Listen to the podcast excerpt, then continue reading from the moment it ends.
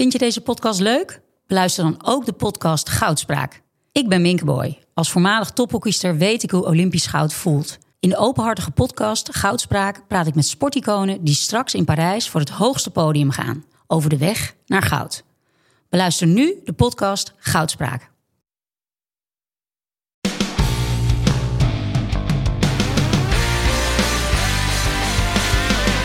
Welkom bij mijn Drive Podcast, waarin ik, Mark Tuitert, op zoek ga naar de drijfveren van allerlei inspirerende mensen. Van atleten, ondernemers, wetenschappers tot artiesten. Deze podcast wordt mede mogelijk gemaakt door First Energy Gum. Een gum gebaseerd op natuurlijke cafeïne die je een directe en gezonde energy boost geeft om meer uit je dag te halen. Naast de vele topsporters die First gebruiken, nodig ik ook jou van harte uit om het te proberen. Kijk op www.firstenergygum.com voor meer informatie. Als er iemand weet hoe ze een teleurstelling kan ombuigen naar succes, is het wel wereldkampioen in wielrennen Annemiek van Vleuten. Over proactief zijn, als sporter je gevoel volgen, mentaal fris blijven en natuurlijk over het omgaan met tegenslag, zoals haar val tijdens de wegwedstrijd in Rio 2016. Ze houdt er niet van om in een wielren vissenkom te zitten met een te vast stramien, maar zoekt het pad dat het beste bij haar past. Haar mantra: de uitdaging vinden in het verbeteren van jezelf. Luister naar en leer van Annemiek van Vleuten. Annemiek van Vleuten, uh, ik mag bij jou aanschuiven aan de keukentafel uh, hier. Voordat jij, uh, hoor ik net, 400 kilometer gaat fietsen morgen. Staat dat op jouw programma? Nee, totaal niet. Ik ben er een beetje in gekletst. Want uh, het zou niet mijn, uh, mijn idee zijn om 400 kilometer te gaan fietsen. Maar uh, Jan-Willem van Schip, mijn buurjongen, die woont hier twee straten verderop. Die heeft me in dit plan gekletst eigenlijk. En dat duurde een uurtje. En toen dacht ik in deze coronatijd, ik dacht, eerst zei ik nee. En na een uur dacht ik, ach ja, waarom ook niet? Waarom ook niet? Vooruit. Maar morgen ga ik zeker denken, waarom ben ik, waar ben ik aan begonnen? Ja, ik zag je net de wraps inpakken hier. Je hebt de hele maaltijd klaargemaakt voor onderweg. Um, ja, ik, ik, wil het heel graag met je hebben over hoe jij. Hè, we zaten van de week bij een tv-programma bij M en we hadden het over omgaan met tegenslagen. Nou, dat, dat, daar ben jij een voorbeeld van. Hoe je dat doet, um, hoe je daarover nadenkt, of misschien dat onbewust doet. Daar ben ik heel erg nieuwsgierig naar. Maar laten we beginnen bij het begin. Um, je, je, bent niet uh, de geëikte wielrenster die zomaar in het wielrennen is beland vanaf de jeugd af aan. Hè. Dat heeft, is pas heel laat uh, ben je gaan wielrennen eigenlijk. Waar Waar ben je begonnen als het gaat om sport? Um, ja, eigenlijk vroeg helemaal niet sportief. Wel bij mijn ouders meegekregen. Al een sport werd bij ons van A tot Z gekeken. Ook het schaatsen, dat stond altijd aan. De, de teletextpagina met de uitslagen op zondag. Maar niks aan sport zelf doen. Behalve dan dat de familie van mijn moeder wel altijd heel veel schaatsen. Dus die waren wel wat fanatieker en sportiever. Maar ik zelf eigenlijk helemaal niet tot ik ging voetballen op mijn achttiende. En uh, toen ging ik daarnaast ook hardlopen. En uh, daar was ik wel heel fanatiek mee. Op je achttiende ben je pas gaan voetballen? Ja, Daarvoor voetballen... zat je niet op sport, niet, als, niet specifiek aan sport gedaan? Nou, ik zou het niet willen zeggen, maar ik heb uh, eerst gewoon gymnastiek gedaan. Daarna heb ik heel lang paard gereden. nou ja, dat is prima, toch? ja, en um, nou, dat vind ik persoonlijk niet echt een, een sport uh, zo in, in de categorie van wielrennen vallen. Dat is ja. heel anders. Maar op het moment dat ik ging voetballen, uh, ja, dan komt daar toch weer veel meer conditioneel uh, komt daar wat bij kijken. en mijn techniek was, omdat ik zo laat was begonnen met voetbal, ook niet echt geweldig. Dus ik moest ook wel echt wel hebben van mijn conditie daar. Ik moet wel zeggen dat ik altijd al vanaf jongs af aan op de, op de, met de jongens op het, op het schoolplein aan het voetballen was. Dus het was wel iets wat ik, wat ik al heel veel deed, maar nooit in wedstrijdverband. Maar hoezo 18? Wat, dat is, ik, ik ben op mijn twaalfde gaan schaatsen, maar 18, dat is niet een beetje laat. Dat is, hoezo kom je op je 18e nog dat je denkt van, hé, hey, laat ik op voetbal gaan? Ik wilde heel graag een teamsport doen. En ik was ook echt klaar een beetje met dat paardrijden. Dat ik altijd afhankelijk was van dat, of dat paard wel of geen zin had. uh, en ik was daar ook niet super fanatiek mee. En ja, ik denk dat ik heel erg uh, een, uh, toe was aan een, uh, aan een teamsport. Daar keek ik heel erg naar uit. En ik wilde ook heel per se iets buiten doen. Want ik ben geen binnenmens. Hm. Um, dus dan is de keuze ja, voor de teamsporten die buiten doen zijn, vallen, ja, vallen een aantal af. En um, ja, aangemeld bij de, bij de ja, SV Ratti. SV Ratti in? Uh, in Kranenburg. Dat is een heel klein dorpje naast Vorden. Ah ja, ja. in de Achterhoek. Ja. Um, en was dat meteen een succes, dat voetbal? Nou, conditioneel wel. Als we rondjes rond het veld moeten lopen, dan uh, liep ik voorop met, uh, met de beste. Maar uh, nee, technisch niet. maar succes qua hoeveel lol ik erin heb gehad, zeker. Ja, ik, eh, ik eh, kan nu nog zeggen, als ik nu op zondag of zaterdag nog eens langs de voetballenvelden rij met mijn fiets, dan Ja. begint er wel weer een beetje te kriebelen Ja. en komt een beetje terug het gevoel, ja, met z'n allen in die kleedkamer, in die kleedkamer lol en met z'n allen één, ja, één doel en een mooi pot voetballen. Dat is wel, eh, ja, dat vond ik gewoon heel leuk. Is dat iets wat je in het wielrennen misschien niet zo hebt? Nee, ik heb denk alleen met. Eh, je voelt weer een beetje terugkomen als je een ploegentijdrit rijdt. Dan moet je dat echt alle, met z'n allen samen doen en echt elkaar sterke punten bovenhalen. Dat is wel eigenlijk een van de mooiste disciplines in het wielrennen, vind ik. Als je ooit stopt, ik weet niet wanneer je dat in gedachten hebt, ga je dan weer terug eh, naar het voetbalveld? Nou ja, de reden dat ik ben gaan fietsen is dat ik geblesseerd raakte aan mijn knie. Ehm, twee keer eh meniscusoperatie en eh, een keer een kruisband. En dat was ook de reden dat ik ben gaan fietsen. Dus nee, ik, eh, ik zou graag willen, maar ik ben noodgedwongen moeten ja. stoppen en over moeten stappen dus naar het fietsen. Dus Was vandaar dat het zo laat. Hoe, hoe is dat gebeurd, die, die blessure? Was dat echt in het veld? Ja, eigenlijk door een ploeggenootje die me onderuit haalde op de training eh, met een sliding. En eh, toen, brak me, toen ging me- mijn kruisband eraan. Dus toen moet ik eigenlijk altijd nog dankbaar zijn. Want die heeft me uiteindelijk eh, het fietsen ingeholpen. Ja, want Ja. jij kruisband, zware blessure voor voetbal. Ja. Eh, ne- geopereerd neem ik aan en daarna revalidatie. En... ja, en toen zei die arts ook al wel van... ja, je hebt nu zo vaak al aan je knie wat gehad. Dat is toch echt je zwakke punt. En Hm. het is gewoon beter... ehm, ja, of fietsen of zwemmen was de optie. Eigenlijk de, die nog voor mij... eh, moest mijn knie ook een beetje ontzien... met niet een een van de loopsport gaan doen. Ja. oud was je toen? Eh, dat was in mijn studententijd, eh jaar of 22. 22. Ja. Jee. Maar ik deed dus al wel heel veel met eh, conditioneel, zeg maar, eh, ja, eh, ehm, met veel hardlopen ernaast. En dat deed ik al wel in mijn studententijd. Ja, je merkte, daar was je goed in. Je had conditie. Ja, ja dan deden we die Battenvier race mee. Dan, dan merkte ik ook wel, dan kwam ik ook wel echt heel hoog al in de uitslagen tussen, tussen de mannen te staan. En meer op wilskracht hoor, dan op techniek. Maar ja. ja. dus daar zat wel iets dat ik wel dacht, oh ja, uithoudingsvermogen, dat is wel iets wat, wat bij mij in de genen zit. Hm. Hier eh, daar heb je gewoon natuurlijk aanleg voor. Dat proeft je Ja. al. Hey, eh, studententijd, wat, want je hebt epidemiologie gestudeerd, hè? Ja, dat klopt. In Wageningen, hier waar je, waar Ja. je ook woont. Ehm, het is wel grappig nu met corona trouwens. Ja, Dit heb je gestudeerd. Ja, nou, ik ben begonnen als, eh, met dierwetenschappen, inderdaad Hmm. afgestudeerd richting epidemiologie. Ook op het gebied van mensen. En eigenlijk mijn afstudeeronderwerp ging over eh, de vogelgriep. Eh, en toen moest ik identificeren ehm, ja, hoeveel, eh, wat de kans was eigenlijk dat mensen daarmee besmet eh, werden. En ja, daar waren ze eigenlijk bang voor wat er nu met corona is gebeurd. Dat we van de vogelgriep zo ziek zouden worden en dat we daar geen vaccin voor zouden hebben. Op het moment dat ik dat afstuderen deed, dacht ik, nou, het zal wel. Deze angsten hiervoor. Maar nu ja, was het een hele reëel iets. Het is ook bij het RIVM heb ik mijn afstuderen gedaan. Dus, ja. Heb je daar iets aan nu, aan die, eh, aan die wijsheid? Ja, ik volg het wel iets met iets meer interesse. En ik kan ook wel iets meer begrijpen ehm, ehm, ja, wat er gebeurt als een eh, R1 eh, groter is dan... de- ja, als die dus groter is dan 1, de verspreiding en wat er Ja. gebeurt. En wat exponentiële groei is. Eh, ik volg het wel met iets meer interesse. Maar verder is het is ook... 2008 ben ik afgestudeerd. Ja. Dus, ja, maar je bent afgestudeerd. Ja. Dus eigenlijk als voordeel dat je zo laat pas bent doorgebroken, heb je wel gewoon een normaal leven gehad eigenlijk, toch? Ja, het is super tof. De studententijd hier in Wageningen, die eh, zou ik ehm, zo weer over willen doen. We hebben echt een hele mooie tijd gehad. Ja, maar ik zie daar een boekje staan Ja. als jou bij de tv. Dat, eh, dat is echt typisch zo'n studentenboekje met een foto erop. Met een, Ik weet niet of die open gaat. Ik weet niet of die open gaat, Mark. Maar in ieder geval niet tijdens deze podcast. Ik ben benieuwd wat erin staat. ja, nee, ik hield er van een feestje. Dus eh, dat is echt heel mooi dat je... ehm, kijk, als atleet ben je altijd bezig 24 uur per dag met eh, voeding. Ja, dat weet je als geen ander. En eh, niet alleen voeding, maar ook eh, je vorm en slaap. En eh, ja, ik heb gewoon de hele studententijd gewoon kunnen genieten. volle bak met mijn studievrienden. En ja, nooit ergens rekening mee hoeven houden. Hm. En ehm, ja, ik vond het wel dinsdag en donderdags Hey. hier in de kroegen. Mooi. Ja, ik, heb, ik ben ook eigenlijk redelijk laat doorgebroken. Het wel op mijn 17e, 18e pas. En ik, em, ik kwam toen in het schaatsen terecht. En ik heb heel veel... Ik heb gewoon ook... eh, Mijn vrienden gingen studeren. Ik heb het ook nog gepoogd hoor, in Enschede, bouwkunde, 1, 2 jaar. Maar ik weet nog dat ik toen echt met vrienden ook gewoon wel ging stappen nog in Groningen. En hier in, eh, bij, bij in Holt had je dan een Dika aan de Kruisweg. Ik, weet- Ja, daar ging ik vroeger ook in. Ja? ja?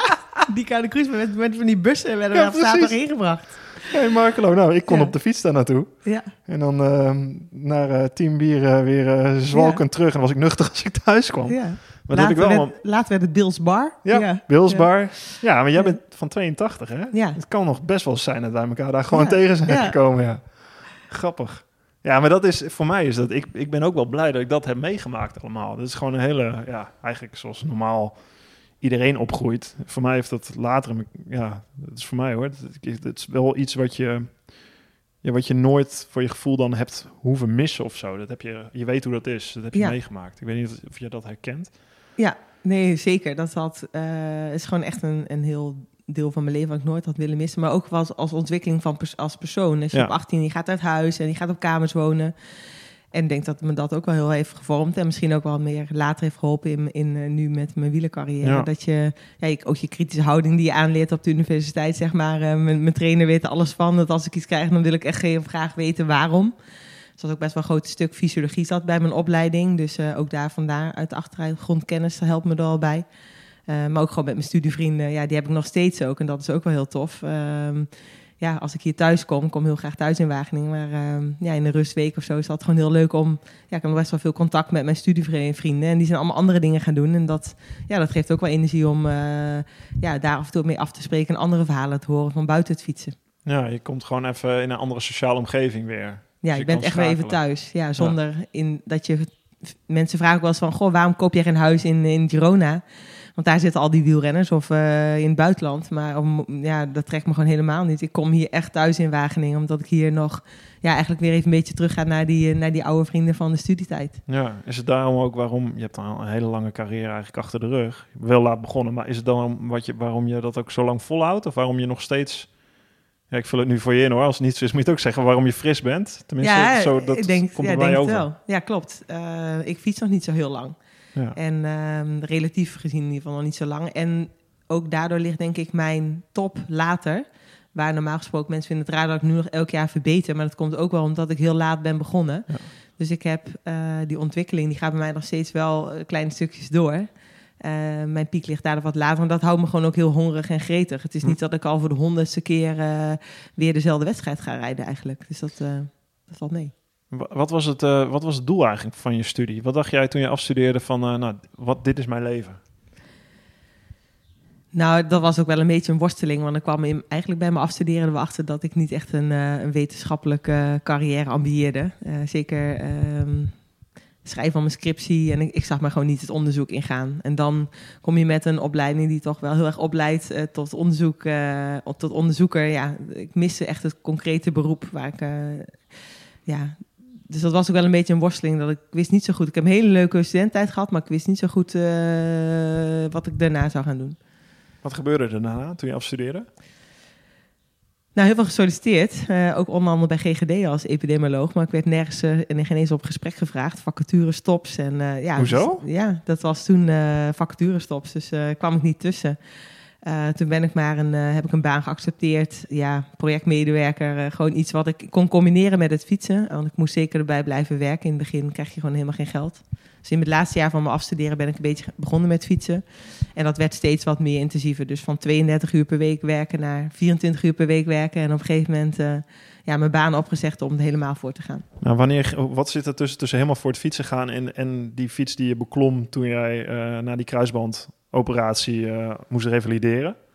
Ging dat, was dat meteen dat je dacht van, hé, hey, dit kan ik of hier ben ik goed in?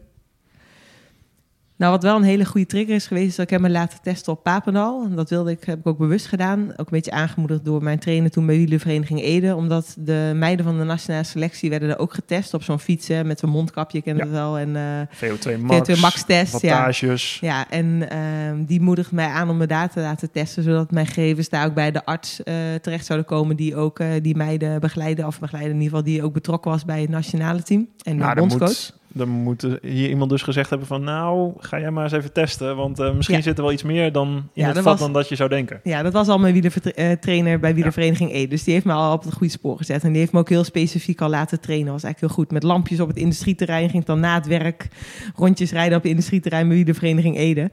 En eh Met lampjes, intervaltrainingen. lampjes op je fiets. Ja, en een geel hesje op een industrieterrein rondjes rijden in het donker. Ja, want ik moest natuurlijk gewoon 32 uur eh, werken. En eh dat deden met een groepje hoor. Dus een hele leuke groep van, eh van wielervereniging Ede. Waar ik overigens ook nog steeds mee train af en toe. Ehm, maar goed, die test gedaan op Papendal. En daar, eh, ja, daar bleek wel dat, het, dat ik mijn, inderdaad mijn zuurstofopnamevermogen, VO2 max zo hoog was. Mijn power was heel goed. Uh, alleen alles per kilogram lichaamsgewicht was nog niet zo heel erg goed. want die studentenkilo zaten er nog wel lekker aan. Maar absoluut gezien uh, ja, had ik echt al, trapte ik echt daar waardes weg die uh, hetzelfde waren als de meiden van de nationale selectie. Ja, kijk, ik had ook bewust daar uh, die test gedaan, omdat ik wist dat die test zou dan misschien wel terechtkomen bij, ja, bij de KMU of bij de bondscoach.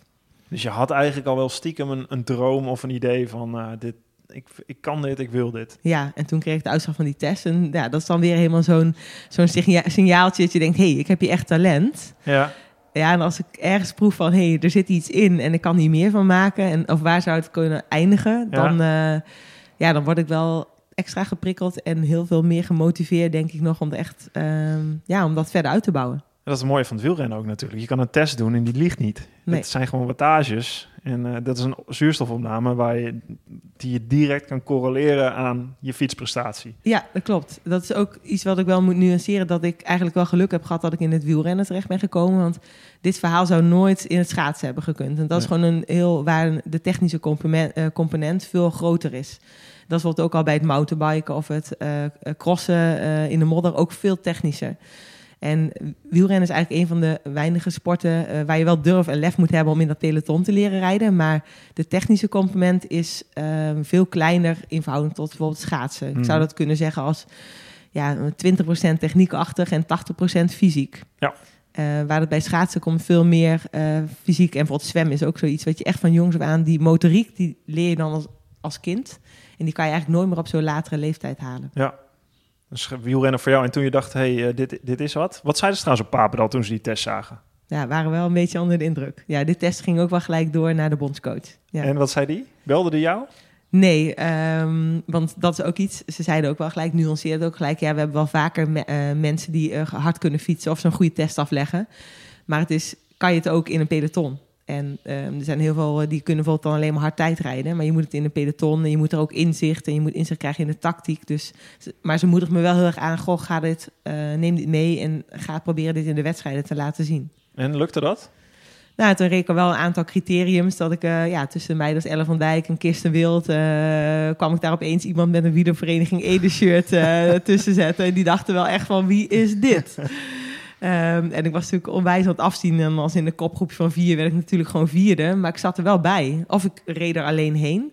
Dus dat ging wel opvallen. Um, maar vervolgens weet ik ook um, achterover zitten. En helemaal omdat ik al wat ouder was, wilde ik geen jaren verliezen. Dus ik was heel actief. en proactief. En bijvoorbeeld ook uh, ja, ging naar een ploegleider van een ploeg heen... waar ik dan eventueel wel het volgende jaar heel graag zou heen willen. Omdat ik dacht, dat ik, daar kan ik wat leren. Maar je ging daar zelf naartoe. Je wachtte niet af van uh, zien ze me wel. Je belt gewoon op je klopt aan. hey, ik wil zelf initiatief nemen. Ja, nou ik stelde me netjes dan voor aan die ploegleiding. Zeg van, goh, ik... Uh, ja, je zei nog niet. Ja, die denken ook, wie is dit? En, uh, maar gewoon persoonlijk. en ik zei, ja, ik, wil, ik ben later begonnen en een beetje uitleg geven. En, en dan bijvoorbeeld voor een wedstrijd. En zei, nou ja, ehm, misschien kan mij wat in de gaten houden. Of ja... Um, nou, en, en dat merk je ook dan... dan dan ben je opeens iemand, als ze mij dan op de koersradio horen, dat ze denken, hé, hey, dat is die, dat meisje wat me net heeft aangesproken, bijvoorbeeld.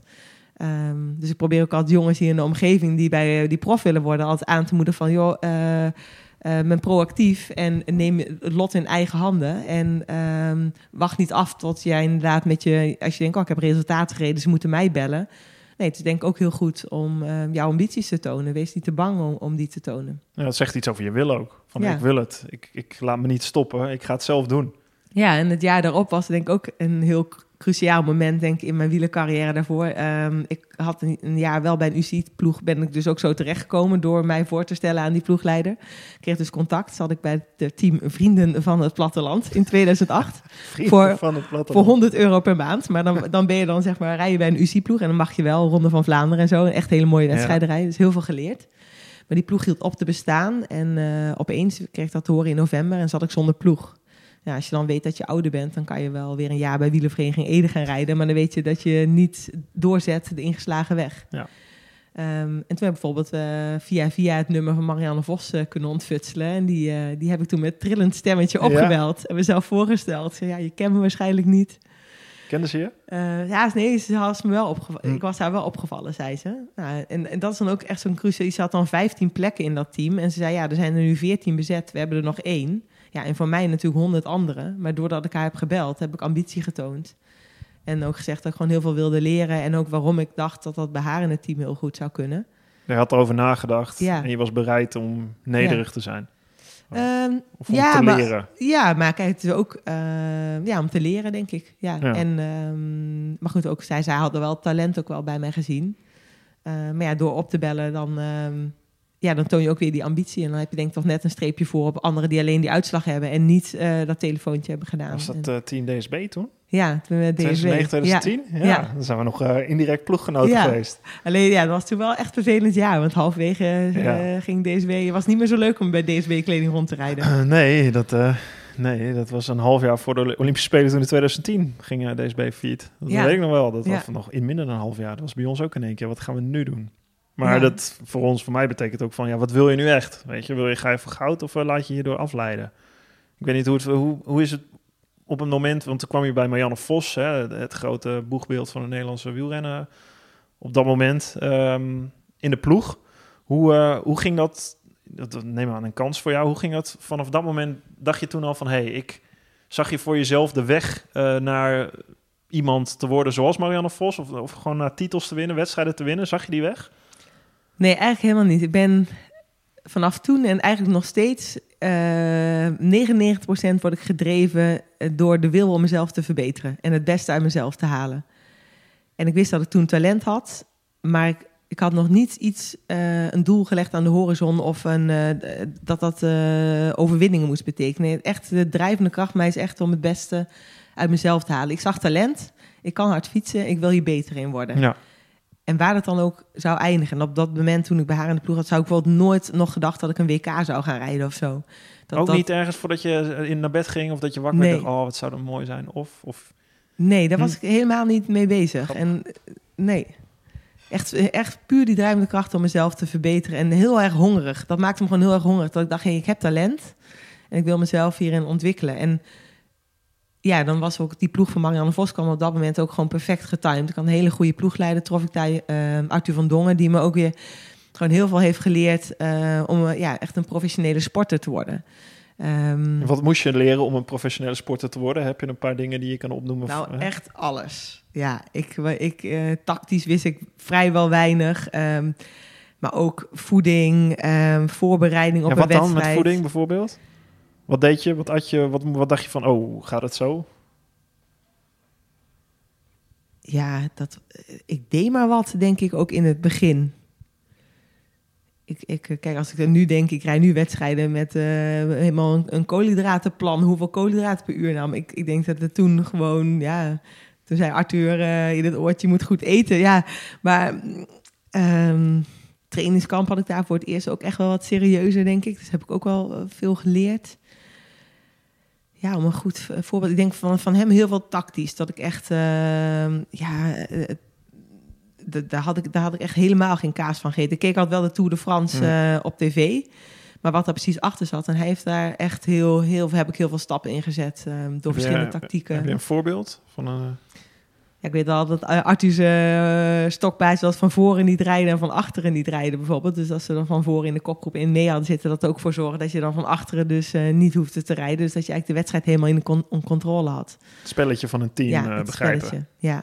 ja, maar ook wel wat heel erg van herstel en um, ja, wat het met je doet nadat je, als je een dag heel diep bent gegaan. Um, ja, dat je dat de volgende dag dan ook gewoon merkt in je benen, hoe je daar ook in om, in mee omgaat, ook mentaal gezien. Um, ja, want ja. Wat, had je, moest je dat echt leren? Dat je daarvan van schrok of zo? Dat je, dat je moe was? Dat je moest herstellen? Ja, ook wel. Het was ook wel, ja, inderdaad dat je dan uh, de, de dag daarna gewoon toch echt niet meer niet zo goed mee kon komen. Want als je heel erg diep was gegaan in de tijdrit, daar had ik toen sowieso heel veel last van. Dat ik nog niet zo goed herstelde. Zo heeft ook iets te maken met de trainingsjaren ja. die, je, die ik nog niet had. Um, van echt van nul beginnen was ja, het eigenlijk. Het, was echt vanaf nul beginnen. ik bedoel, uh, de eerste jaar, 2007 was mijn eerste jaar, ik, ik kon nog geen bocht doorsturen. Ik, moest, ik, ik vroeg aan de jongens van wielervereniging, hoe stuur je een bocht door? ik bedoel, daar begon ik. ja, dat, het was echt... Uh, nou, en dan 2009 zat ik bij Marianne Vos in het team. Ja. Dus, en daar ging je ook mee naar Londen. Ik zie hier een, een mooie poster van Londen, de Olympische ja. Spelen. Want je ging als uh, vijftiende lid, uh, kwam je in het team van Marianne Vos. Maar je hebt weer wel, dat in die paar jaar ging het wel redelijk snel. Dan zat je ja. wel bij de top van Nederland al. Ja, ik denk dat het ook wel echt verklaart dat ik zo heel doelgericht ben. Dus ik stelde elk jaar doelen, procesdoelen. Waar wil ik aan werken? Waar wil ik mezelf in verbeteren? Deed je dat zelf? Ja. Ik heb toen op een gegeven moment ook wel ehm, een eerste sessie gedaan met een, een traject bij een sportpsycholoog. Mhm. Dus die heeft me ook wel heel goed bij geholpen. Ehm, ja, succesvolle topsporters zijn eh, sporters die doelen stellen. Ehm, en eh, dat is iets wat ik me heel erg heb aangeleerd. Ehm, en elk jaar had ik dus ook weer vijf doelen waar ik dan weer voor het volgende jaar eh, evaluatie en waar ik die ik ook op papier schreef en hoe ik die wilde bereiken. Dus ook smart geformuleerd. Netjes, Ehm, netjes. Ja, dus, Wel heel gestructureerd en ja. echt heel doelmatig. heel doelmatig. En denk dat ik daarom inderdaad ook in 2012, dat is natuurlijk echt onwijze stappen, al bij de Olympische Spelen gewoon Ja. Ehm, ja, aan de start stond. Want wat was, je doel, wat was je doel in dat jaar? Weet je dat nog? Als je het hebt over ontwikkelingsdoelen, procesdoelen. Rond die Ehm, tijd. Ja, het procesdoel eh, ehm, weet ik niet zo heel precies meer. Ik denk rond, eh, bijvoorbeeld bij, eigenlijk was het ook gewoon een van ja, je wattage per kilogram lichaamsgewicht eh, Ja. verbeteren. Dat was, stond elk jaar wel op mijn, eh, wel mijn plan. En Dus dat is echt de kracht marker in het ja, wielrennen. Hè? Ja. Lichaamsgewicht, Ja. wattage. Ja. Ehm, ja. En, en resultaatdoel, ik wilde ook gewoon heel graag Nederlands kampioen worden. Dat was, eh, dat, dat, als je naar mij vraagt over doomdoelen, dat was eigenlijk in het begin. In 2008 Ja. deed ik mijn eerste NK tijdrijden. En toen stond ik bij het podium te kijken. Ik was eh vijftiende geworden of zo. En eh, toen stond ik bij het podium. En toen dacht ik, ja, dit is... Als ik daar nou ooit nog eens zou kunnen komen te staan... op dat Nederlands kampioen, zo'n Nederlands kampioen tijdrijden. Wanneer was dat? 2008, ja, dat ik 2008. daar echt eh, van droomde. Ja, dus toen was ik helemaal niet bezig met de Olympische En wanneer Spelen. weet je het? In 2014 voor het eerst. 2014 voor het eerst. Ja. Zes jaar later. Ja, Zes jaar over gedaan. ja. Hoe ver, hoeveelste werd je trouwens in die wedstrijd in, eh, in Londen? Ik heb echt geen idee. Dat was ook echt, daar was het puur doel. eh, heel duidelijk, Marianne Vos was onze absolute kopvrouw. Ja. Er gingen drie ondersteunende renners heen. En eh, dat was ook een heel mooi team met Loes Gunnewijk, eh Elle van Dijk en ik. We hadden alle neuzen dezelfde kant op Ja. staan. We hadden één missie en Marianne Vos naar het goud rijden. En dat lukte. Ja, dus dat was heel tof om daar eh, deel uit van aan te maken. Dat was ook een beetje wel de teamsport al die je zo in het voetbal had? Of? Ja, en dat maakt het ook makkelijker als je echt één kopvrouw hebt die, ehm, ja, die het ook echt gaan afmaken. Ja. Ja. En dan ma- maak ik even een hele snelle sprong naar 2016. Ehm, de Rio. Eh, de, de momenten nou ja, die we allemaal voor de geest hebben. Ehm, hoe, eh, hoe, hoe, is, hoe is dat zo gegaan naar, naar die vier jaar daartussen? Hoe heb je ehm, Rio... eh, daar gaan we het ongetwijfeld, daar wil ik het graag over hebben. Natuurlijk, hoe je omgaat met die tegenslag, met die val daar. Maar hoe, hoe stond je daar aan de start in vergelijking met bijvoorbeeld Londen? Hoe, hoe is het hele proces daar naartoe gegaan? Ja, in 2015 weet ik heel goed dat wij het parcours gingen verkennen van Rio. En toen ik daar rondreed, was onwijs klimparcours. Dus ik dacht, als ik ehm, hier überhaupt geselecteerd wil worden voor het Olympisch team, hè, dat bestaat bij ons uit vier wegrensters, Ja. dan moet ik wel echt gaan zorgen dat mijn klimcapaciteiten gaan verbeteren. Ehm, op dat moment was ik namelijk nog echt geen klimmer. was meer een klas, klassieker renner, zeg maar. Dus eh, korte klimmetjes in Limburg kon ik wel aan. Maar eh, een Giro of zo, dat was echt... eh, Ik heb altijd te horen gekregen, jij bent geen klimmer. Dat hoorde je van Ja. iedereen. Van iedereen. Ja. En van mijn ploeggeleiders. Ik heb altijd gehoord, jij bent geen klimmer. Waarom, Dus, waarom zeiden ze dat? ehm, ja, ik was ook wel wat zwaarder. En was wat, eh, ik ben ook wel wat breder gebouwd. Hm.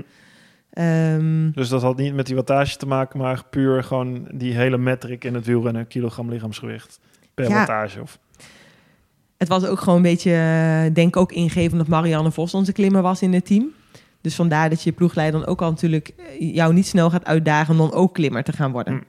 Ehm, dus Jeroen Blijleef was dat op dat moment. En ehm, die zag in mij gewoon andere talenten. Ja. Hij zegt, je kan alle wedstrijden winnen, maar niet de klimwedstrijden.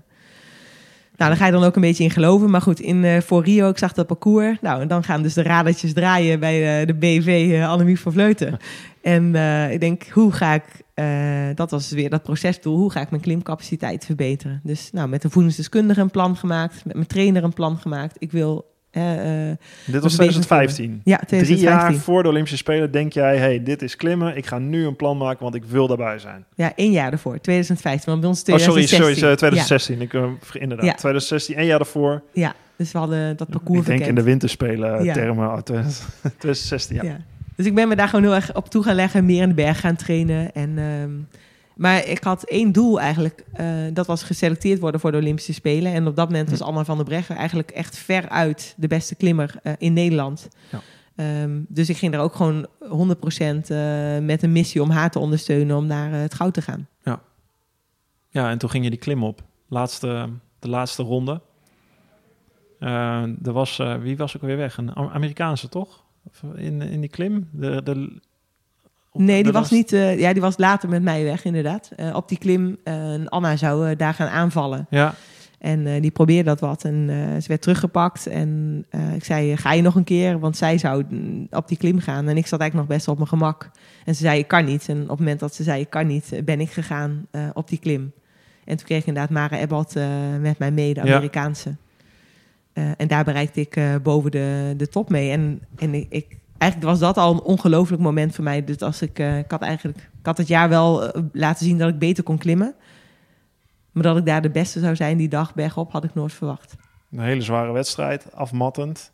Daar is dan dat moment zoiets dat je dat al die, die doelgerichtheid daar alles samenkomt. Is dat, is dat dan wat jou onderscheidt op dat moment ook van, van de rest? Want in topsport is iedereen doelgericht. Wat maakt dan dat jij daar zo uh, in voren komt in die klim?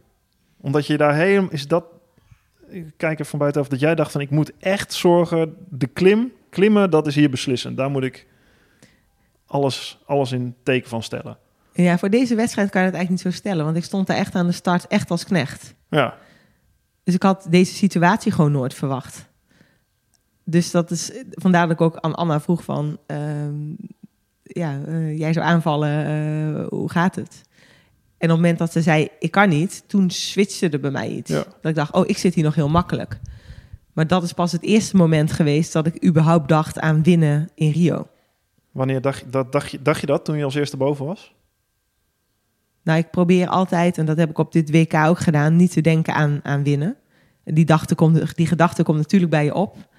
Um, maar ik heb heel erg geleerd, hou je focus op je taak. Ja. En denk niet aan wat er op de finishlijn ligt. En dat heb ik, vond ik afgelopen jaar in Yorkshire ook heel lastig. Elke dag, je kan hier misschien wereldkampioen worden. Ja. Nee, focus terug naar je taak. Dat ja. is heel erg gewoon, nee, deze bochten, deze afdaling.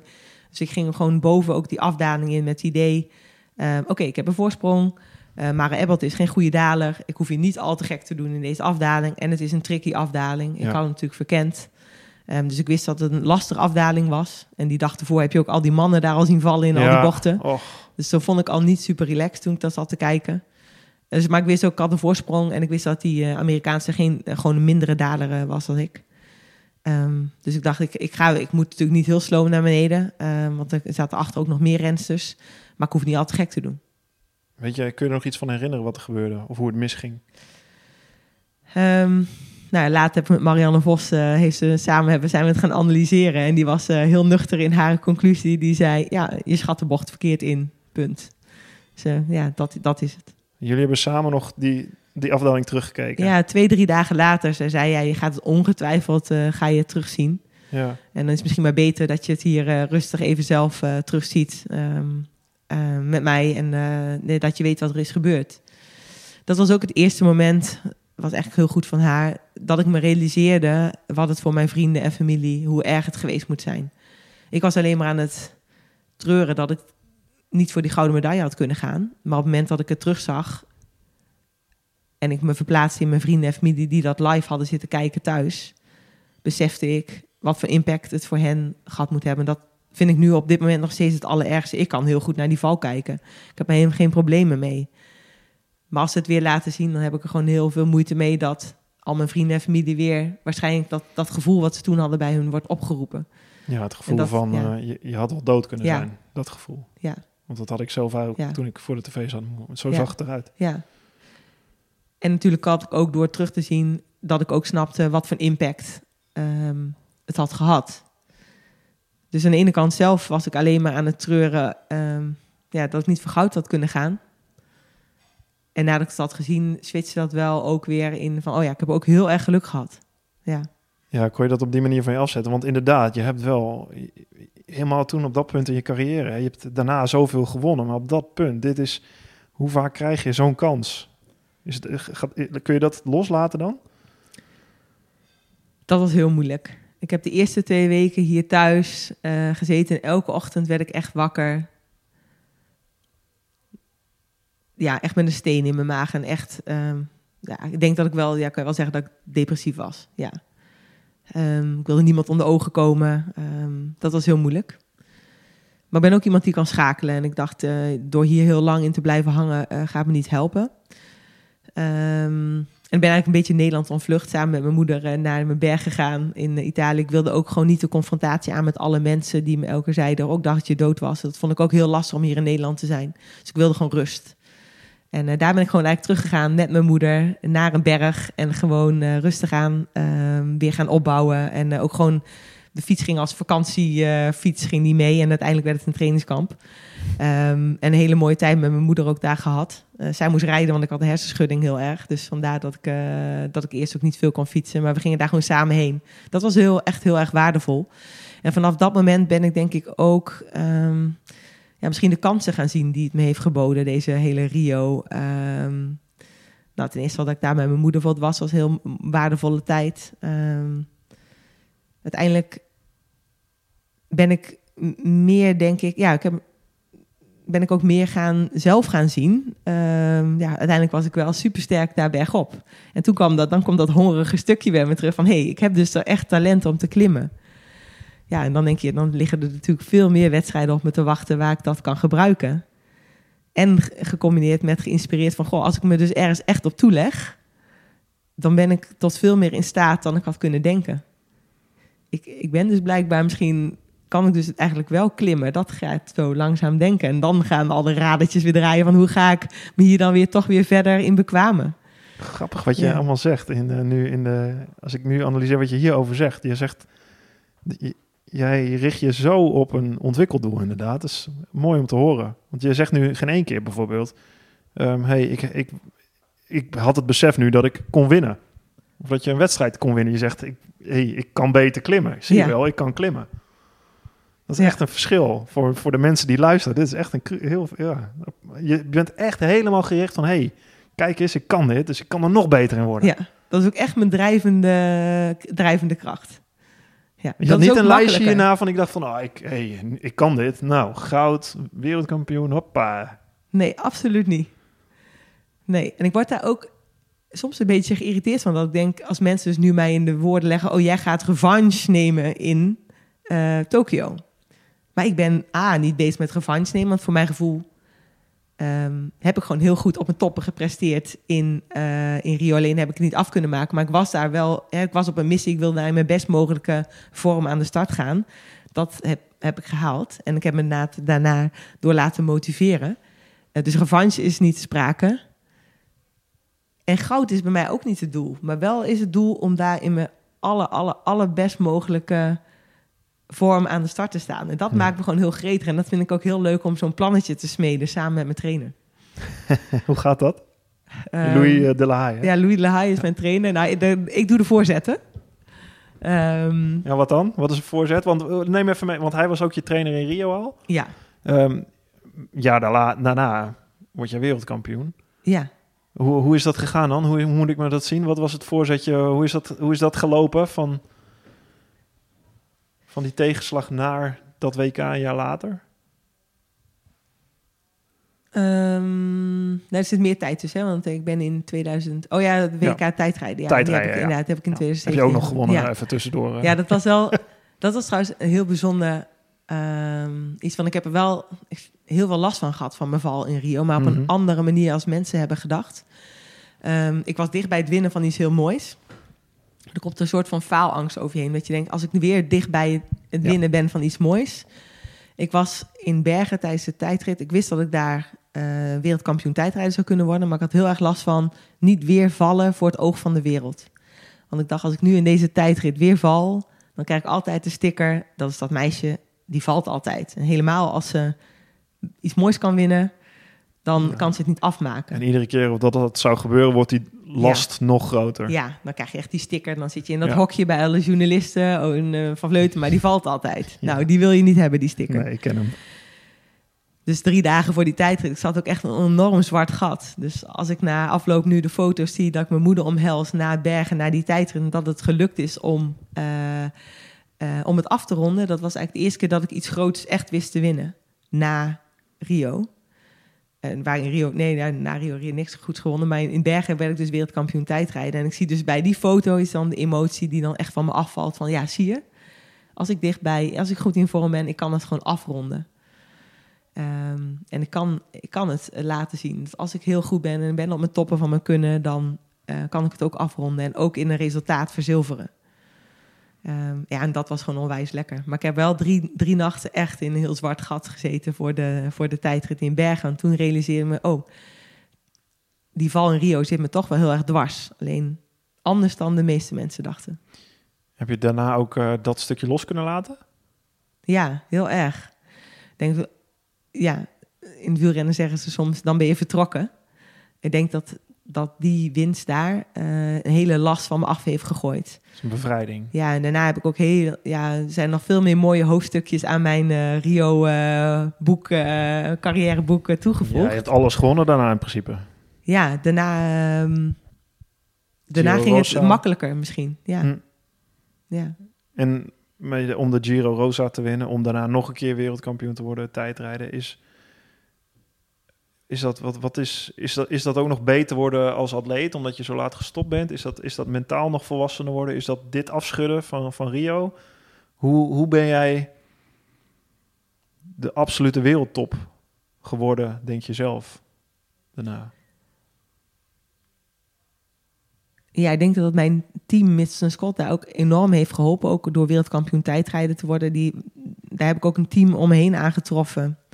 Want sorry ehm, dat ik je onderbreek, die kwam, dat was, dat, dat was rond na Rio kwam je in. In 2016 heb ik al bij uh, reek al bij hun. Dus in het jaar van Olympische Spelen al wel. Spelen al ja, ja, dus kijk, de eerste dag dat ik toen bij die ploeg tekende, zat ik al in de windtunnel. Nou, ik was daarvoor uh, bij Nederlandse ploegen nog nooit in de windtunnel geweest. En ik kreeg een tijdritfiets thuis. Ik kreeg bij de Nederlandse ploeg had ik toen ook nog geen tijdritfiets thuis. Ja, dat is echt iets waar je heel veel op moet trainen. Dus bij die Australische ploeg zit gewoon heel veel uh, passie voor aerodynamica. En dan had ik ook nog geluk dat ik een mechanicien daar aantrof.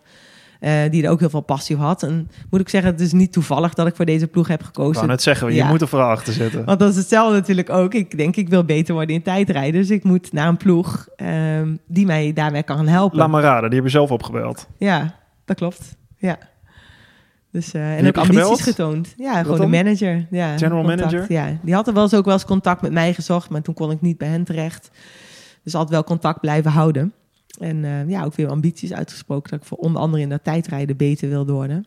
En ik dacht, dit is echt een ploeg die erbij past. Dus ik had bijvoorbeeld ook andere aanbiedingen van andere ploegen voor veel meer geld. Maar uh, ja, die heb ik afgesloten, verslagen. Ja, dan moest ik bijvoorbeeld op een Italiaans fietsmerk gaan rijden. Ik wist dat dat niet de beste tijdritfiets was. Dus ik heb echt specifiek voor, voor deze ploeg gekozen. En daarbij ook um, de vibe die in een Australische ploeg zit. Die past ook gewoon heel erg bij mij geeft mij de vrijheid om uh, ja, mijn plannetjes te smeden.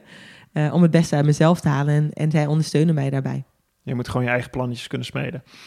En dat doe je met uh, Louis de la Haye, zoals je Ja, maar ook wat met die mechanicien van mijn ploeg. Ja. en daar ga ik samen dan die windtunneltest mee doen. Maar inderdaad ook met, met Louis. Um, ja, dan, dan komen dus die vijf procesdoelen aan het einde van het seizoen en evaluatiedoelen. Die ik dan met hem bespreek, waar ik dan volgende jaar aan wil gaan werken. En met hem ga ik dan een beetje brainstormen, hoe kunnen we dat bereiken? Maar jij bent degene die de doelen neerlegt en bepaalt. Ik denk dat dat ook heel belangrijk is, uh, dat je eigenaar bent zelf van je plan. Want dan ben je ook veel gemotiveerder. Je moet soms onwijs lachen dat mensen met een hele andere instelling, maar mag jij dat wel van je trainer? Ja. Nou, A, ik betaal, of betaal, maar ik bedoel, ik geef mezelf een vergoeding aan mijn trainer. Um, en uh, ik heb mijn eigen, eigen doelen en hij hij helpt mij om die, die doelen te bereiken. Maar het is niet dat ik de zak chips laat staan omdat het niet mag van mijn trainer. Dat is je intrinsieke motivatie. Ja. Het is ook echt, dat is ook echt wel de in, inderdaad. Ik denk dat heel veel teamsporters dit misschien zich eerder zouden afvragen. Of, of mensen, je, je bent niet, hè, teamsporters hebben ook, die hebben ook intrinsieke, hele grote intrinsieke motivatie. Daar niet van. Maar je, als, als je als individuele sporter dat niet hebt, dan kom je er gewoon niet. Je, kan, je hebt nergens om op terug te vallen. Is niet een in, in het voetbal kun je nog heel getalenteerd, heel balvaardig zijn en iemand neemt het een keer van je over ergens waar je minder bent. Maar jij moet echt het helemaal zelf bepalen en doen. Ja, je hebt ook dus je eigen, vind ik wel mooi, je eigen ploeg uit, uitgekozen eigenlijk. Dat is ook andersom. Ja, dan het normaal gaat. Hè? Ja. Ik wacht wel op een uitnodiging. Ik hoop maar dat deze ploeg zo gaat. En dan, eh, nou, dan moet ik daarheen. En die had dus heel duidelijk een doel. En wat was dat? Ja, ik heb dus heel duidelijk een doel en dan zoek ik de juiste mensen Daaromheen. en de juiste daaromheen. Ja, Die mij gaan helpen om dat doelen te bereiken. Ja. En die groep moet niet te groot zijn. want? Nou, te veel meningen. Dus ik ga werken met één voedingsdeskundige die denkt dat goed. Maar ga dan niet ook nog op internet zitten zoeken wat zijn andere meningen. Ja. Nee, ik ga dan, deze is goed, die gaat mij daarbij helpen. En hetzelfde met Louis. Ik geloof dat hij goed is. Ehm, dus dan eh, ga ik met hem werken en ga niet andere meningen vragen. En hoe werkt zo'n voorzetje dan? Je had het over, ik geef een voorzetje en dan eh, kopt hij hem in. Nou, zoals vorig jaar had dan plan gesmeten. Dat ik dacht, ja, ik weet dat die hoogtestages voor mij heel erg werken. Ja. En ik weet ook dat ik in november en december in trainingen in Nederland eh, moet huilen van, eh, van het weer. En eh, niet, echt niet leuk vind en niet gemotiveerd ben. En dan heb ik zo'n beetje zo om me heen gevraagd. En bij mijn ploeggenoot Esteban Chavez, is een Colombiaan. Die had me al eens uitgenodigd van, joh, je moet naar Colombia komen. Mhm. Nou ja, dan gaat er zo'n vuurtje bij mij branden. En dan denk ik, ja, misschien eh, gaat het wel mooi zijn en, eh, om in november of in december naar Colombia te gaan. En daar al een eerste hoogtestage te doen. Of eigenlijk gewoon een trainingstage in lekker weer. En toevallig is het ook op hoogte. En ehm, nou, ja, dat, eh, dat wordt dan gelijk even naar Louis. Wat, Louis, wat denk je hiervan? Als Wat ik in december... Ja, goed plan, zegt hij dan. Ik wil eigenlijk wel langskomen, zegt hij. Want hij had ook wel zin in. Maar Ehm, wat, zijn- wat, doen- wat doen de standaard wielrenners in november, december? Ja, gaan allemaal eh, vaak naar eh Calpe. Allemaal naar dezelfde plek in eh, Zuid-Spanje. En je hebt ook een beetje twee soorten wielrenners, denk ik. De ene vindt het heel fijn om in een gecontroleerde omgeving... altijd naar hetzelfde hotel. Ja. Welke rondjes weten ze wel kunnen rijden. Geen verrassingen. Geen verrassingen met het eten dat ze kunnen aantreffen. Ehm, en- Afgekaderd. ja, en ik ben natuurlijk wel heel doelgericht, gericht, maar ik ben ook heel los. Ja. Want ehm, ik wist heel, ik kende niemand in Colombia. Maar ik dacht, ik had er zin in. En je bent, je bent de afgelopen winter geweest, toch? Ja, ja, ik ben afgelopen winter Was geweest. dat voor de eerste keer? Ja. Ja. Ja. En, ehm, maar ik wist niet wie ik daar aan ging treffen of wat het trainingsgezelschap was of wat voor rondjes ik daar eh, ging eh, maken. Maar ik had er gewoon zin in. En ik denk, ehm, en daar is Louis ook een hele goede van. ehm, alles wat mij energie geeft, is ook eindelijk goed voor mij.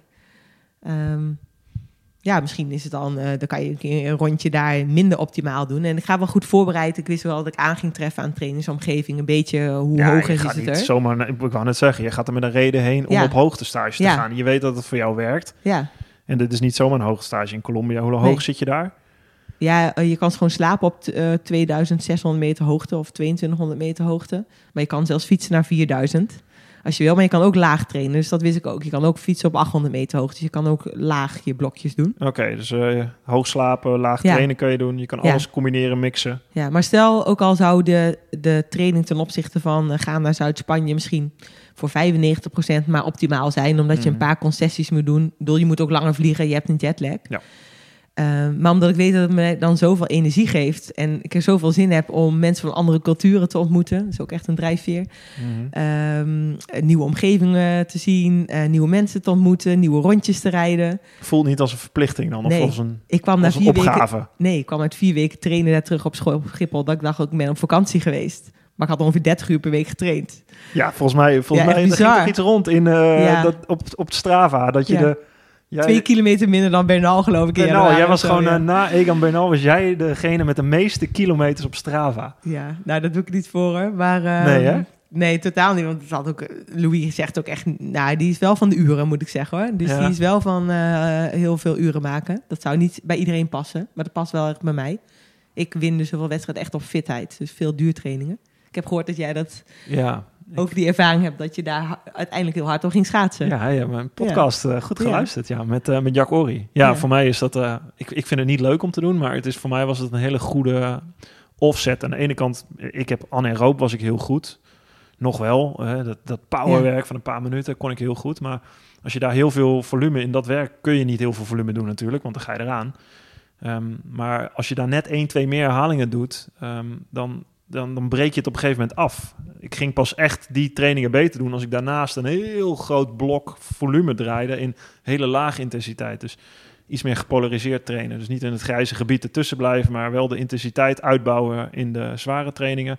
Maar daarnaast een heel groot blok rustigere training. Heeft voor mij heel goed gewerkt inderdaad. En voor mij Ehm, helemaal op latere leeftijd, einde van de carrière, werkte dat ook beter. Omdat ik daardoor uh, mijn intensieve trainingen intensiever kon doen. als je jong bent, 20, 1, 22, dan eigenlijk... Ja, dan werken alle prikkels nog wel die je lichaam geeft. En je geest ook. Je geest is nog fris. Je bent er niet voor de eerste keer, maar later in je carrière... Ik voel wat je zegt ook, ook met trainingslocaties. Op een gegeven moment heb je... Een training is prikkel. Een prikkel aanbrengen in je lichaam. Daarvan herstellen en daarvan beter worden dat is wat training is. En als je daar afgestompt door raakt door wat je doet, of de prikkel komt niet meer aan omdat, omdat het te grijs is, hè, je hebt niet genoeg rust, niet genoeg intensiteit, dan, dan levert het geen effect meer op. Je moet, helemaal als je wat ouder wordt als leden, denk ik, gewoon blijven zoeken naar die, naar die dingen en die prikkels en dat durven. Nou, ik denk dat het 100% eh, mee eens. Polarized training uh, doe ik dus ook. Ik, ik train inderdaad uh, of heel erg rustig. Ja, wat ik zag in die NOS-reportage van jou, dat je die hit-training daar deed. Berg op twee minuten vol. Ja. Twaalf keer. Ja, en het is ook omdat ik mentaal kan ik dat niet elke dag. Dus ik moet me er echt voor opladen. Maar dan sta ik er ook en dan ga ik dat ook maximaal doen. Maar dat is wel, dat is wel zwaar mentaal. Want dan word je wel ochtends wakker dat je denkt... oh, ik moet vandaag twaalf keer twee minuten... alles mezelf helemaal uit elkaar trekken. Ja. Maar dat moet je ook kunnen. Door, dat kun je alleen ook maar doen als je mentaal dus fris bent ergens. Ja, en Louis houdt mij dan bijvoorbeeld ook fris door, dat zegt hij ook vaak, dus niet allerlei trainingen met allerlei pushpas te hoeven doen. Dus ik moet bijvoorbeeld zo'n training doen, dat doen we dan keihard. Maar het is niet dat ik elke training uh, allerlei opdrachtjes krijg met sprintje hier en RPM-oefeningetje daar. en uh, hij weet dat mij dat afbot. Bezigheidstherapie noemde ik dat altijd. Ja. Ik heb en sommige renners vinden dat heel fijn, dus daar werkt het wel voor. Maar mij bot het af ik wil mijn energie sparen om er juist wel met die sleuteltrainingen, mm. zo noemen we dan, ja. die er wel, wij die echt hard moeten, dat ik dan daar echt heel gretig en fris ja. aan het sta. Ja, leuk om te horen. Ja, ja. sleuteltraining. Ja, Dat, daar, het gaat om die paar trainingen. Alles staat in dienst van die paar belangrijke trainingen waarbij je de grens gaat verleggen eigenlijk. Want jij zegt in die reportage ook van, ik heb, als je jezelf nu vergelijkt met vijf jaar eerder, dat je nu veel meer op gevoel doet. Klopt. Ja. Want wat is dat dan? Ik doe alles op gevoel. Alles. Ik doe eigenlijk, um, ik rijd met een wattagemeter en ik kijk er ook wel naar. Uh, maar vroeger, als dan bijvoorbeeld acht keer vier minuten maximaal moest doen, kon ik helemaal gedesillusioneerd terugkomen als de wattages niet helemaal eh, waren wat ik had wil, eh, wat ik wilde. En nu, als ik dat acht keer vier uh, doe, ik eigenlijk, ik vertrek op gevoel. En ik wil de laatste, wil ik dan wel ongeveer hetzelfde wattage kunnen leveren als de eerste. Dat is dan het doel die ik meekrijg. Dat is gewoon de vuistregel eigenlijk. Ja, Grappig, ik dus hanteerde met die intervallen precies hetzelfde. Dat is ook ja, mijn ik moet mezelf niet afschieten. Nee. Dat krijgt dan mee. Jezelf niet afschieten. Acht keer vier minuten. Ja, dat nadeel is natuurlijk dat je zo hard begint dat je daar je hele training om zeep helpt. Ja. En hij zegt dan, ja, gewoon maximaal, zegt hij. Dus, maar maximaal zo, dus dat je acht keer vier minuten maximaal kan doen. Ja. En dat je de laatste net zo goed als de eerste doet. Dat is de vuistregel met maximaal gaan. Niet één keer maximaal dat je je nek eraf draait. Ja. ja. Ehm, en daar ga ik natuurlijk ook als de fout mee. Maar dan leer je ook wel heel erg uh, ja, mee op gevoel rijden eigenlijk. Uh, ja, de ene keer is dat dan ehm, een hoge wattage dan de andere keer, zeg maar. Maar het doel van de training, dat heb ik daar wel mee gehaald. Want dat was gewoon maximaal uh, lactaat aanmaken. en die training heb ik wel bereikt. ja, ik, zag, ik zag het grappig, want je, sorry, maar vijf jaar, als je het hebt over de afgelopen vijf jaar, in die vijf jaar ben je alles gaan winnen. Ja, dus, dus het heeft me ook inderdaad voor gezorgd dat ik de trainen gewoon veel leuker ben gaan vinden. Ik kijk nooit meer naar een gemiddeld wattage tijdens een duurtraining.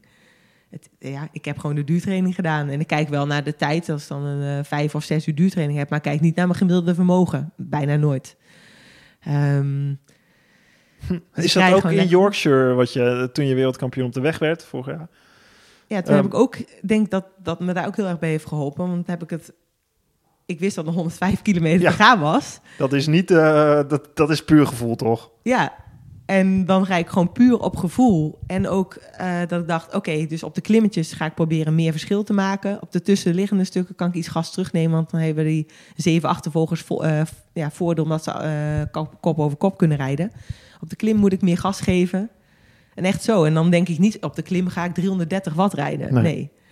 Ehm, op de klim daar ga ik meer, ja, en ook dat op gevoel van zo hard omhoog rijden, net tegen de limiet. Maar dat ik dan in de afdaling wel weer wat herstel. Zodat ik dan daarna... Ja, terwijl als je het op ratio moet, moet gaan doen en op uh, wattages en nummers, dan is 105 kilometer voor de meet uh, ontsnappen met het doel als te winnen is zelfmoord, gekkenhuis. Toch? Ja, het was in wielerlogica. huis. Ja, zeker met zeven achtervolgers achter je. Ja. ja. ja.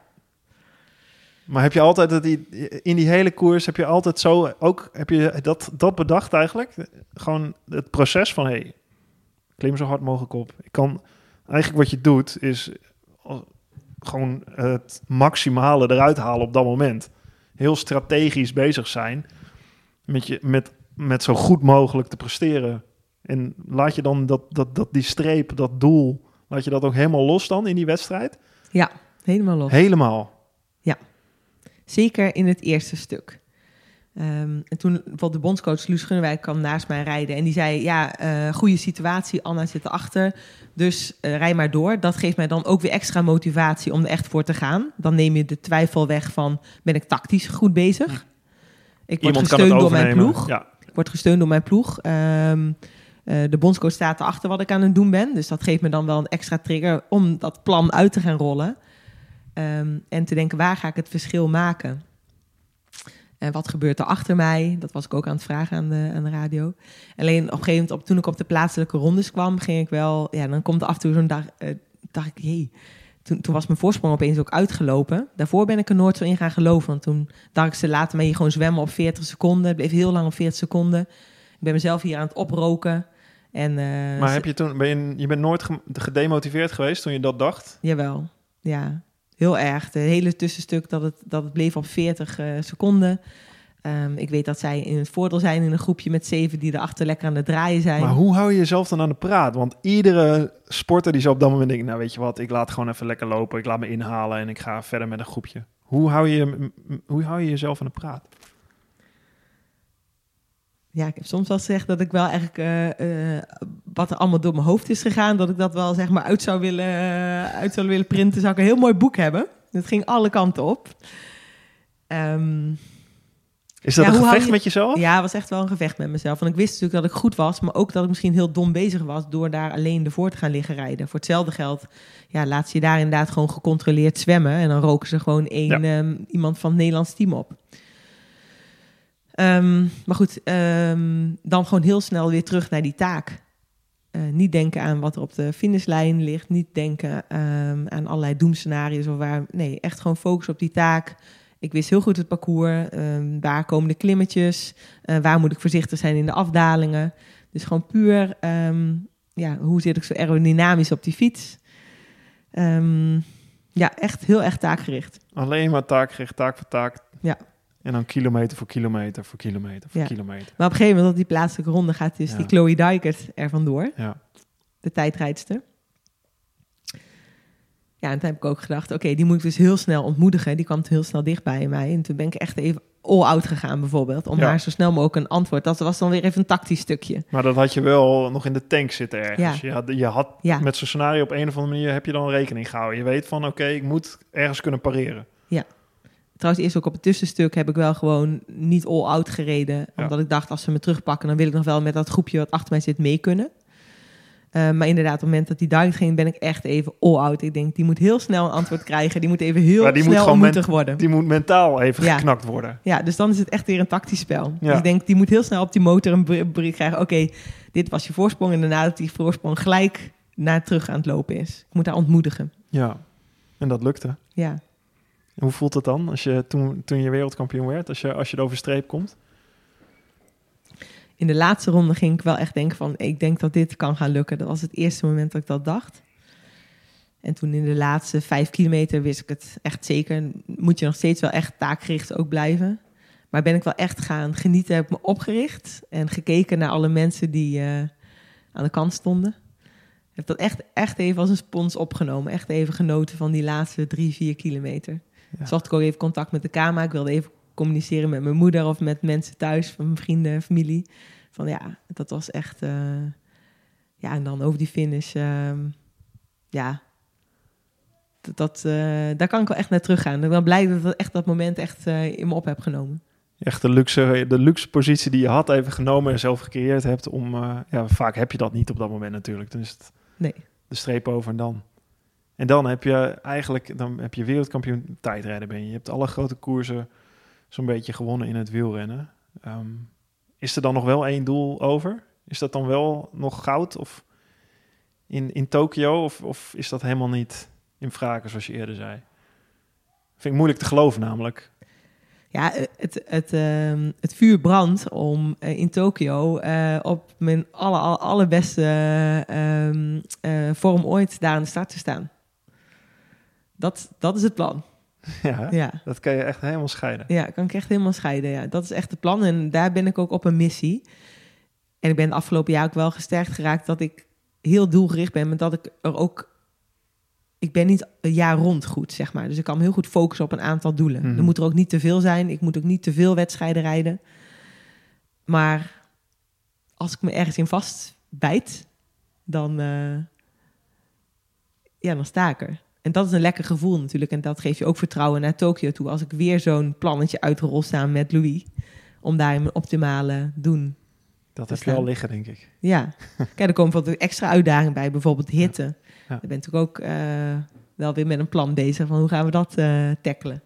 Ehm, dus het is niet alleen maar eh, Mhm. in topvorm eh, daar staan. Er komen meer aspecten altijd weer bij kijken. En nu ook deze periode met corona. Mhm. Bijvoorbeeld weer, ehm, ja, ook weer procesdoelen gesteld. Van Jan-Willem van het Schip vroeg, wat zijn jouw corona-kansen? Ja, Ja, want ook deze periode is, biedt natuurlijk ook kansen om dan weer aan bijvoorbeeld ja, nog iets te verfijnen aan je tijdritpositie of wat uit te proberen. Of ja, stilstand is achteruitgang. Dus ja, of je wijkt helemaal van het plan af en je doet iets wat totaal voor je trainingsschema misschien geen nut heeft, maar wel omdat het kan. 400 kilometer fietsen ja, morgen. Dat zijn die dingen die, eh, die jou gewoon fris houden of af en toe mentaal klopt. die je moet, moet doen. ja. ja, ik hou wel van uitdagingen, ja. ja. Ja, dat vind ik gewoon leuk. Ik, eh, Hoe lang blijf je dit nog doen, deze uitdaging aangaan? nou, zolang ik nog aanknopingspunten zie om mezelf te verbeteren.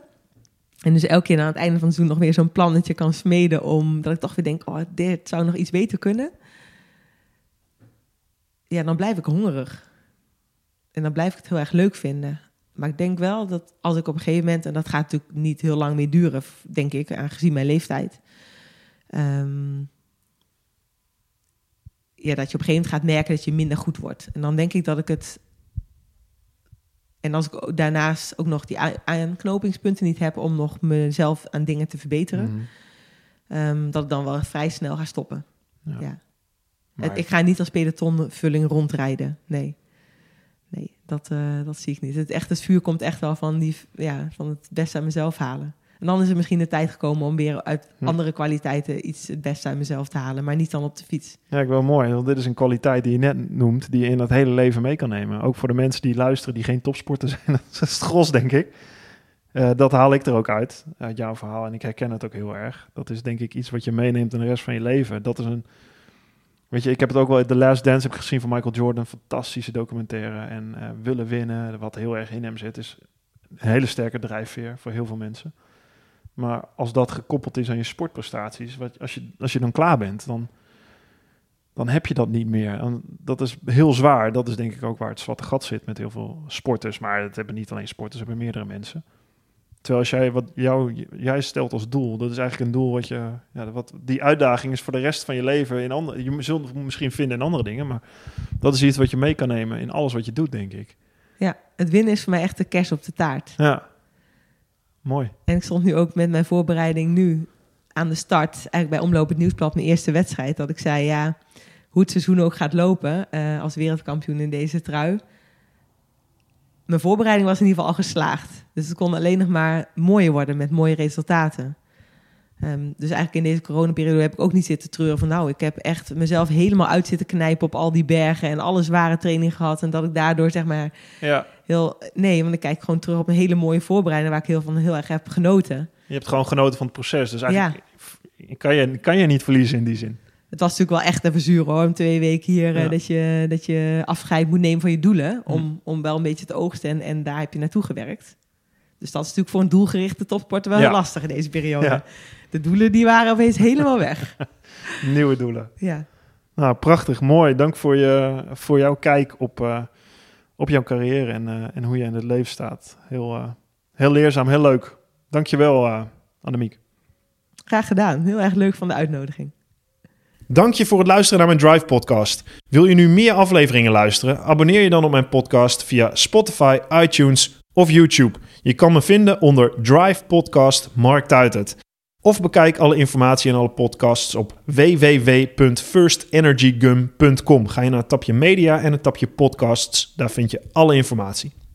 Laat me ook weten wat je van deze podcast vindt en welke gasten jij graag zou willen horen.